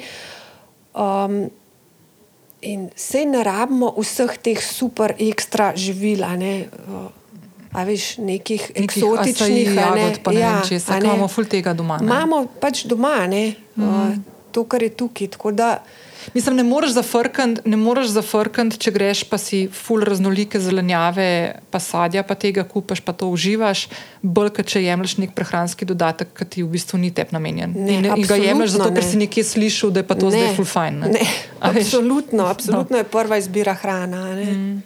Da je mogoče še ta imunski sistem, ki smo ga prej omenili. Um, Imunski sistem, to sem jaz poslušala, kako smo se pripravljali na to kombučo, ko smo jo delali, pa to, eh, da živi, ne, da center imunskega sistema je dejansko v črvesju. Ne. Mislim, v črvesju je, naj bi bilo največ, Največ, imunskih ne. celic. ne. Ja. A veš, imunske celice so pa, po vsem celemu- telesu. Ne. Ja. No, ampak zdaj, ko prihaja jesen, prihaja zima, spet bo fulejnih več teh virusov v luftu, enega imamo že precej dolg časa, pa kar neki noče iti. Ampak ok. Kako lahko tudi s prehrano, pa z odločitvami življenjskimi, temi vsakodnevnimi v življenjskem stilu, kako lahko boostamo nek svoj imunski sistem? A so mogoče kakšne, ali pa mogoče tako, a so kakšni taki dodatki, ki jih pa lahko mogoče zdaj v tem času začnemo dodajati, ki vplivajo posledično tudi na imunski sistem, pa naprimer jih lahko vsak vzame, ali rajš tega ne početi? Um, lej, kar se tiče pač samih dodatkov, um, sem jaz vedno o, mnenja, da je fajn si najprej nekaj izmeriti, uh -huh. pa pol videti, če ti primankuje, pa pol posledično ciljano je imeti samo to, uh -huh. pa še to pač najbolj optimalno obliko. Ampak recimo za imunski sistem definitivno se vedno več ve, sploh zdaj v luči tega COVID-a zadnjih dveh let, o, da je zelo pomemben D-vitamin. a ne. Zdaj večina ljudi, ki je bila polet o, veliko na soncu, um, ima verjetno zdaj dovolj um, Zaloge, ne? zaloge D-vitamina, a ne. ampak je pa, um, jaz zelo priporočam vsem, da se ta D-vitamin, da se zmer, uh, recimo tam nekje konc jeseni, Mhm, pred zimo, ne? pred zimo, da vidimo, kje smo. In pa po potrebi, ne, da po, po potrebi dodaš. Tako da D-vitamin je definitivno zelo pomemben za uh Mhm. -huh. uh, imunski sistem. Pol jaz zelo velikrat vidim, da ljudem primankuje cinka. Cink je tudi zelo pomemben za imunski sistem. Uh Mhm. -huh. um, ampak že spet, a veš, imamo pa tudi uh, prehranske vire uh, cinka, ne? ampak to so bolj mogoče tudi taki, malo, kakšni malo bolj eksotični, drugače pa recimo v oreščkih je neki cinka, v mesu, drugače najboljši vir cinka so pa školke. A res? Ja, Oh, ja, wow, ja. okej. Tako da mogoče tudi, a veš, Tudi take stvari. tudi take, tudi take stvari. a ne. Um, kaj bi še za, mislim, a veš, za imunski sistem dejansko pač o, imunski sistem potrebuje ni ga mikrohranila, ni ga vitamina, pa minerala, ki ne bi imel vpliva na imunski sistem. Um, zato, pač, zato se glih tudi je raznoliko, ker bolj kot ješ raznoliko, več boš dubu različnih mikrohranil. In bolj ne. močno bo to. Tako, ja. uh -huh. In mikrobiom je pa že spet uh, zelo pomemben, to, kar smo prej rekli, kako se razvija in kako v bistvu vse čas uh, obstaja komunikacija med mikrobiomom in imunskim sistemom. Tako da, če jemo za mikrobiom, jemo obenem tudi za imunski sistem. a ne. Okay. A je še kakšna stvar, ki smo pozabili izpostaviti? Kronične sva. Mislim, te kronične bolezni, um, malo smo imeli namen to tudi govoriti, pa ne bova, zato ker bova to enkrat drugič. Uh, pa druga stvar je, da. Um, Ok, veš kaj, jaz bi vseeno mogoče se dotaknila tega, kar smo mi dve zdaj pri meni imeli.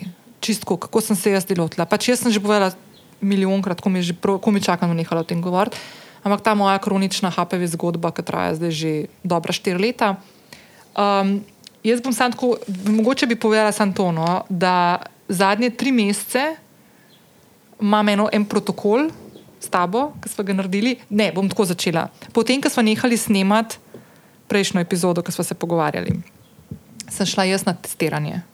Najprej, je tako začeta. Ne? In na podlagi teh rezultatov testov, ki niso bili neki drastični, ampak so pa pokazali tiste stvari, ki smo se takrat pogovarjali, kere, kere stvari običajno v telesu manjkajo, oziroma so na nekih nizkih stopnjah v zalogah, ki so posledično lahko tudi doprinesejo k temu, da okužba HPV konkretno je dolgoročna.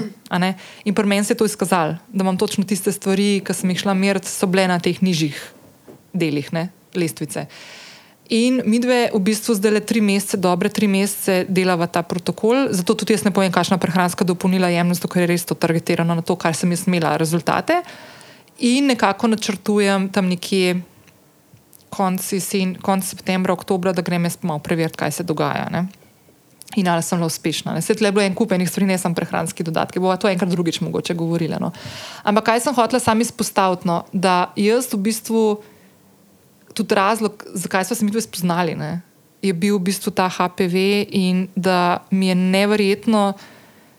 Um, in, in zato sem mogoče tudi malo občutljiva in živčna, vsakeč, ko te stvari poslušam, ali, ali, ali, ali neke te zdravstvene, uh, ki so malo skeptični do nekih prehrane, pa tega, ali pa naprimer. To hitenje za nekimi trendi, ki jih slišiš, da oh, je bilo dobro z D-vitaminom, pa se začnejo kar vsi špricati z D-vitaminom, veš. Ne?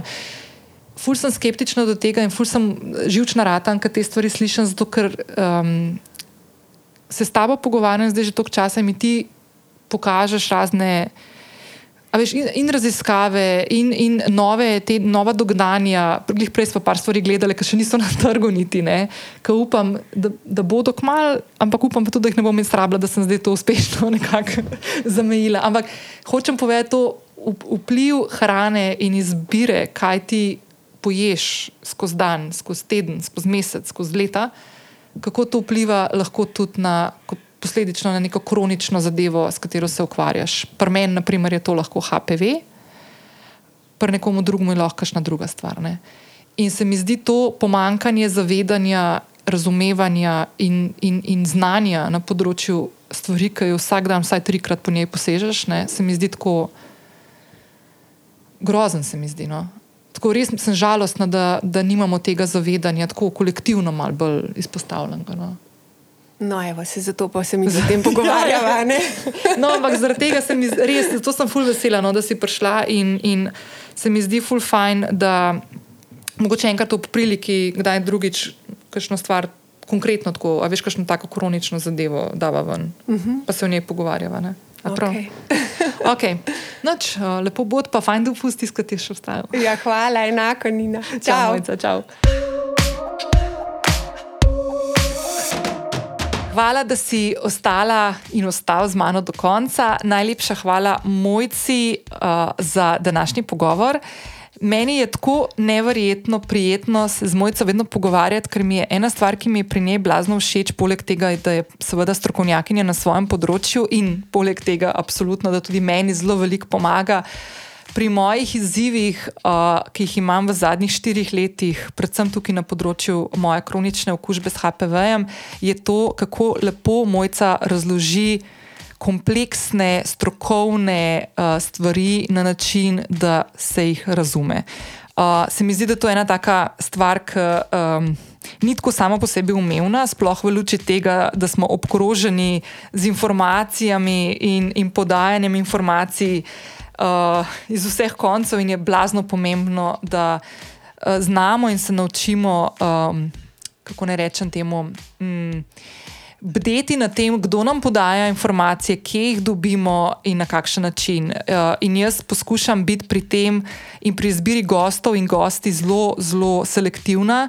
Um, in izhajati iz nekako tudi svojih odločitev, tako da, naprimer, mojca je definitivno ena od tistih oseb, ki jaz blazno zaupam um, in uh, lahko stojim za stvarmi, ker tudi iz prve roke dejansko spremljam pri sebi spremembe.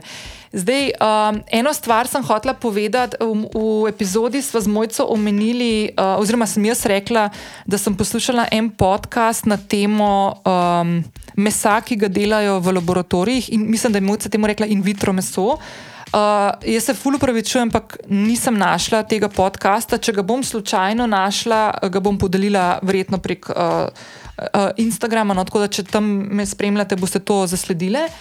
Um, drugač bi ga dala noter v zapis epizode, ampak enostavno sem ene pol ure res iskala po svoji podcast knjižnici in se ne spomnim točno, katera epizoda je to bila, čeprav sem imela v mislih, uh, sem bila prepričana, da vem, tako da se ful upravičujem. No. Um, sem pa hotela še eno stvar povedati, tudi to, kar sem omenila v epizodi.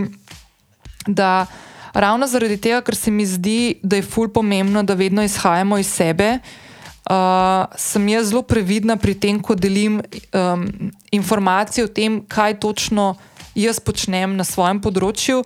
Uh, konkretno, naprimer, zdaj na področju uh, upravljanja z mojo kronično HPV okužbo. Uh, jaz se zavedam, da je ogromno uh, vas tukaj, ki me spremljate tudi zaradi HPV-ja. Uh, uh, ker zelo veliko um, sporočil sem v zadnjih štirih letih, odkar sem spregovorila o tem, dobila od vas. Um, tudi vem, da ogromno ljudi posluša točno tiste epizode HPV, povezane s HPV, ki sem jih že objavila. Um, in da zdaj, naprimer, imate v mislih to, um, če bom kaj povedala na to temo, oziroma kaj so tiste stvari, ki jih trenutno zadnjih nekaj mesecev z mojco delava na tem področju. Um, Pa ne bom šla v detajle, zato ker, uh, kot sem rekla tudi v podkastu, um, ni nujno, da če imamo tudi konec koncev kroni, enako kronično okužbo, da imamo enako um, problematiko, ki jo je potrebno naslavljati in, in se lotevati. Uh, jaz sem, potem ko smo z Mojco uh, posneli pogovor za 123. epizodo, ko je Mojca prvič gostovala na tem podkastu, uh, so, malenko so se dotaknili tudi te teme uh, mojega upravljanja s HPV-jem, po, te, po tem pogovoru sem jaz z mojco zelo konkretno zakorakala v, um, hm, v dodaten proces, uh, s katerim poskušam spraviti tega hudiča, bom rekla, iz svojega telesa. Končno. Um, jaz sem zadnje štiri, oziroma že kar pet mesecev na um, prehrani ki jo dodatno spodbujam s tisto zelenjavo, predvsem, uh, ki mi jo je mojca predpisala, ker mi bo pomagala Uh, oziroma, lahko že rečem, da mi je pomagala dvigati tiste vrednosti v telesu, ki, so, ki sem jih imela zelo nizko in so dokazano po raziskavah uh, pomembne in vplivajo tudi pri uh, boju telesa s kroničnimi oblikami HPV-ja. O tem smo govorili v 123. epizodi. Um, jaz lahko povem, da sem šla na začetku, preden je mojca predpisala mi to, um, ta proces in priporočala poleg hrane, uh, tudi ker, ker je samo s hrano težko uh, te vrednosti bilo dvigant, ker so bile pri meni določene res nizke, mi je predpisala tudi uh, prehranska dopolnila. Jaz lahko povem, da sem šla zdaj le um, malo po najnem pogovoru, ki smo ga zdaj posneli za to epizodo, ki se je ravno kar zaključila. Uh, sem šla ponovno na uh, testiranje in lahko rečem, da je ful se videla razlika no, na vseh, v bistvu na čisto vseh uh, nivojih, ki jih spremljava. Um, In sem ful vesela, da imam mojco, ki ne samo, da mi tukaj pomaga, ampak kaj meni pri njej ful všeč. Um, ful raziskuje uh, konkretno pri meni, naprimer področje HPV. Tako da mi je tudi predpisala, oziroma pred, predlagala, da najdem ene probiotike, dodatne, uh, za, ki, ki so se izkazali, da zelo dobro vplivajo na um, lokalni imunski sistem, uh, se pravi na v tem primeru na vaginalnem področju, tako da zdaj tudi to jemljem. Um, in jaz sem sicer nameravala zdaj septembra skočiti do svoje ginekologinje spet na testiranje, ampak bom še počakala kakšen mesec ali pa dva, da to kuro naredim do konca in pol bom šla še enkrat in vas bom seveda ne, o tem obvestila jaz upam, da bo to zadnja stvar, ki bom govorila o HPV-ju, upam. Um, in, in bomo videli. Sem pa zelo, zelo, eh, mislim, da še nikoli nisem imela toliko um, tazga občutka, eh, ne samo opolnomočenja, ampak občutka, da se, neki, da, da se res dobro počutim v tem, ker sem naredila čisto vse, kar je v moji moči in več, da poskušam te stvari uh, sanirati, preden bom spet mogla iti na kakšen poseg. Tako da jaz upam, da, da, da se bodo te stvari uh, izkazale za. Učinkovite, bom povedala. Uh, skratka, um, še ena stvar. Um, jaz sem zelo vesela, um, zelo veliko se vas je oglasil mojci po tistem najnem prvem pogovoru. Um, jaz teh stvari ne pripravljam zato, da vas usmerjam k mojci. Mislim, super, če najdete nek moment ali pa neko motivacijo, zato ker imate pri sebi že neke stvari napeljane oziroma si želite um, spoznavati to, to tematiko, oziroma imate kakšne težave pri sebi, pa vam tukaj lahko mojca pomaga s svojim svetovanjem in svojo strokovnostjo. Ampak gre dejansko za to, da sem full vesela, če imam neke take uh, konkretne, uh, iz prve vrste. Uh, Uh, informacije ali pa stvari, ki meni konkretno pomagajo, sem full vesela, če to prepoznate tudi vi. Um, Mojca je full, full super uh, oseba za, um, kako naj temu rečem, ne samo za svetovanje, ampak odlična sogovornica, uh, ki te zna peljati skozi različne um, stvari, ki se ti odvijajo v življenju. Prehrana, definitivno je pač ena od stvari, ki smo danes tudi veliko o tem govorili. Um, Sploh ne znam izraziti, kako pomembna je prehrana v našem življenju. No, to, kar sem tudi jaz omenila danes v pogovoru, parkrat tudi na lastnih primerih, kaj vidim pri sebi za razliko. Uh, mimo grede, lahko povem to. Ko smo snemali z mojco uh, pred časom ta pogovor, to je bilo uh, enkrat sredi avgusta, sem umenila tudi v pogovoru, da že nekaj deset dni ne pijem alkohola. Zdaj lahko povem, da ne pijem alkohola že skoraj dva meseca. Um, in sploh ne bom rekla, da ga ne bom nikoli več pila, ne, ker ful rada spijem še en dober kozarc vina. Ampak uh, ful mi ne sede in ful se dobro počutam. Ful ne pogrešam, ful se dobro počutam. Um, uh, boljše spim, uh, več energije imam. Um, tudi lahko povem, da sem opazila, da, da sem, ne bom rekla, da sem shujšala, ampak mogoče neko to napihnjenost okoli trebušnega dela. Ne bom rekla, da sem zdaj raven trebuh, pa six-pack, ne sploh ne, pa to, to ni moj cilj in želja, ampak dejansko, dejansko se tako ful vidijo spremembe in tako vidne, telesne in definitivno na razpoloženju. No, tako da, um, če spremljaš sebe, skozi čas um, res lahko tako opaziš velike, velike spremembe, ki se ti dogajajo. Predvsem te na, na ravni razpoloženja, na ravni energije, na ravni fokusiranosti pri delu in tako naprej. Tako da, če je to neka taka stvar, ki se ti zdi pomembna, uh, da bi jo odkrivala. ti absolutno uh, predlagam in priporočam, da se obrneš na mojico, ker je res um, krasna na tem področju. Ok, uh, to je to. Uh, hvala, da ste ostali z mano do konca. Če imate kakšno vprašanje, mi lahko pošljete uh, ali na mail, ali na še raje vidim na Instagram, ki bom ful hitreje odgovorila.